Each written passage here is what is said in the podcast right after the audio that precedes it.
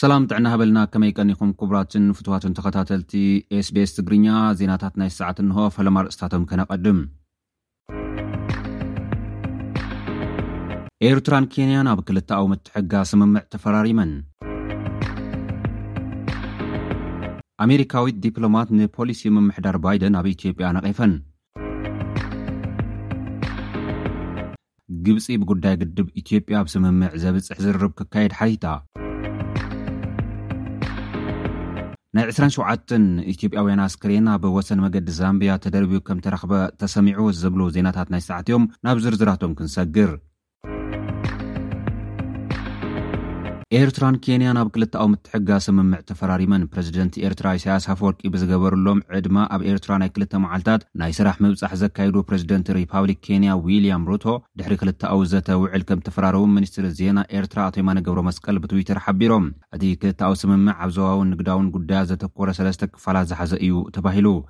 ክልቲኦም መራሕቲ ኣብ ክልተኣዊ ጉዳያት፣ ክልተኣዊ ርክባት ከሕይሉ፣ ህዝቢ ምስ ህዝቢ ዝህሉ ርክባት ንምድልዳል፣ ከምኡ ድማ ዜጋታት ክልቲኤን ሃገራት ካብን ናብን እተን ሃገራት ኣብ ዝገብርዎ መገሻታት ብዘይ ቪዛ ክንቀሳቐሱ ዘኽእል ባይታ ክጣጥሕ፣ ኬንያን ኤርትራን ብሕብረት ኣፍሪካ ብመንፈስ ፓን ኣፍሪካኒዝም ብዕቱብ ክተሓባበራ፣ ኣብ ቅርኒ ኣፍሪካ ሰላምን ፀጥታን ንምውሓስ ንምዕባለ ኣብ ዞባዊ ውህደት ብሓባር ክሰርሓ ተስማዕሚዖም ኣለው። ኣብ ንግዳዊ ጉዳያት ብዝምልከት ድማ ክልቲኤን ሃገራት ብመሬት፣ ብባሕርን ብኣየርን ዝግበር ንግዳዊ ርክባት ከጎልብታ ምዃነን ከምዝተፈራረማ ተገሊፁ ኣሎ።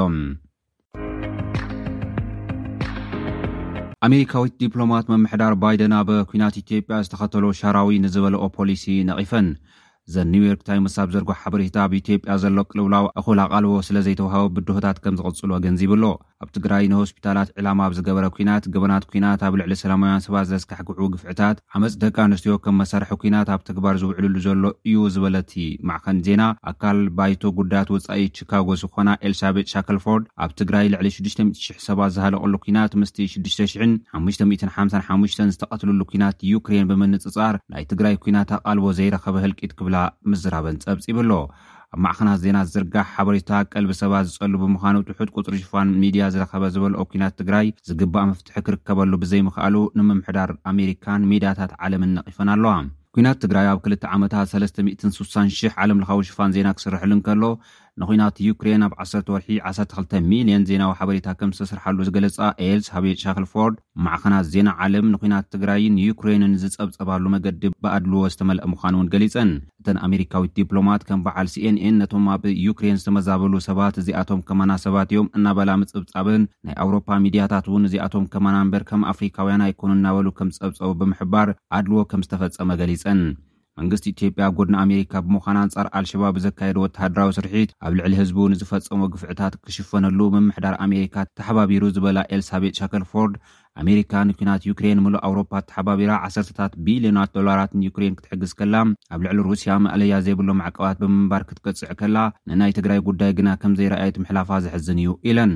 ብተወሳኺ ኣሜሪካ፣ ሩስያ፣ ኢራንን ድሮን ሓዊስካ ኣጽዋራት ከይግዛእ ከቢድ መጠንቀቕታ እናሃበትን እናተኸታተለትን እንከላ፣ ኢትዮጵያ ካብዘን ዓድታት ብዝዓደገቶም ኣጽዋራት ሲቪላት እናቐተለት ብስቕታ ምሕላፋ ዘተዓዛዘ ምዃኑ እየን ገሊጸን። ንልዕሊ ሸሞንተ ዓመታት ኣብ ሚኒስትሪ ጉዳይ ወጻኢ ኣሜሪካ ዝሰርሓ ኤልሳቤጥ ሻከልፎርድ፣ ኣብ ጉዳይ ደቡብ ሱዳን ሓዊስካ ከበድቲ ገበናት ዝተፈጸምሎም ዓድታት ዝተዓዘባ ኰይነን፣ ንናይ ደቡብ ሱዳን ዝምልከት ዝርከቦ ብዙሕ መጻሕፍቲ ከም ዝጸሓፋ'ውን ዝንገረለን ዲፕሎማት እየን። ግብፂ ብጉዳይ ግድብ ህዳሴ ኢትዮጵያዊ ስምምዕ ዘብፅሕ ዝርርብ ክካየድ ሓቲታ። ፕረዚደንት ግብፂ ዓብደልፋታሕ ኣልሲሲ ብጉዳይ ግድብ ህዳሴ ኢትዮጵያዊ ስምምዕ ዘብፅሕ ሓቃዊ ዝርርብ ክካየድ ከምዝደልዩ ኣብቲ ኣብ ስዑዲ ዓረብ ዝካየድ ዘሎ ምሕዝነት ቻይናን ሃገራት ዓረብን ኣብ ዘስምዕዎ መደረ ገሊፆም። እቶም ፕረዚደንት ክልቲኣን ሃገራት ቀያዲ ስምምዕ ክኣስራ ዝሓተቱ ኮይኖም ንናይ ሕጂን ቀፃሊ ወለዶታትን ናይ ምትሕግጋዝን ምልማዕን መሰል ዘውሕስ ሓቀኛ ስምምዕ ፍረም ንደሊ ክብሉ ተዛሪቦም። ግብፅን ኢትዮጵያን ኣብ ዝተፈላለዩ መድረኻት ብዛዕባ እቲ ግድብ ተዘራሪበን ናይ መወዳእታ ስምምዕ ክበፅሓ ዘይከኣላ ሃገራት ምዃነን ዝፍለጥ እዩ። ናይ ዕስራን ሸውዓተን ኢትዮጵያውያን ኣስክሬን ኣብ ወሰን መገዲ ዛምቢያ ተደርብዩ ከምተረኽበ ተሰሚዑ። እቲ ትማሊ ሰንበት ተረኺቡ ዝተባህለ ኣስከሬናት ኢትዮጵያውያን ካብ ዋና ከተማ ዛምቢያ ንሸነኽ ሰሜን ኮይኑ ነታ ሃገር ኣቋሪጾም ናብ ካልእ ሃገር ክሰግሩ ዝነበሩ ስደተኛታት ከይኮኑ ኣይተርፉን ተባሂሉ። ወሃቢ ቃል ፖሊስ ናይታ ሃገር ዳኒ ሞዋሌ ንቢቢሲ ኣብ ዝሃብዎ ቃል እቶም ሞይቶም ዝተረኽቡ ሰባት ብሕቡእ ናብ ካልእ ሃገር ክሰግሩ ንፋስ ስኢኖም ትንፋስ ሓጺርዎም ከይሞቱ ከምዘይተርፉ ተዛሪቦም። ሓደ ካብኣቶም ኣብ መንጎ ሞትን ህይወትን ኮይኑ ዝግዕር ዝነበረ ሰብ ግን ናብ ሆስፒታል ተወሲዱ ከምዘሎ ሓቢሮም። እቶም ሰባት ብሰነዳቶም ኢትዮጵያውያን ምዃኖም ከምዝተለለዩ እውን ኣብሪሆም። በታ ሃገር ኣቢሎም ኣብ ዝተፈላለዩ እዋናት ናብ ካልእ ሃገር ከቋርፁ ዝብሉ ኢትዮጵያውያን ኣብታ ሃገር ሞይቶም ከምተረኽቡ ቅድሚ ሕዚ እውን ክፅብፀብ ዝፀንሐ ኮይኑ ኣብ ዝሓለፈ ጥቅምቲ ናይ ዕስራን ሓሙሽተን ኢትዮጵያውያን ኣስከሬን ኣብ ጉድጓድ ተቐቢሩ ከምዝተረኽበ ማዕኸናት ዜና ክፅብፅባ ፀኒሐን እየን። ክቡራት ተኸታተልቲ SBS ትግርኛ ነዚ ሰዓት እተዳለወ ዜና እዚ ይመስል። ኣብ ቀፃሊ ብኻልእ ትሕዝቶ ክንራኸብ ኢና። ክሳብ ሽዑ ሰሰናዩ ንምነየልኩም ሰላም።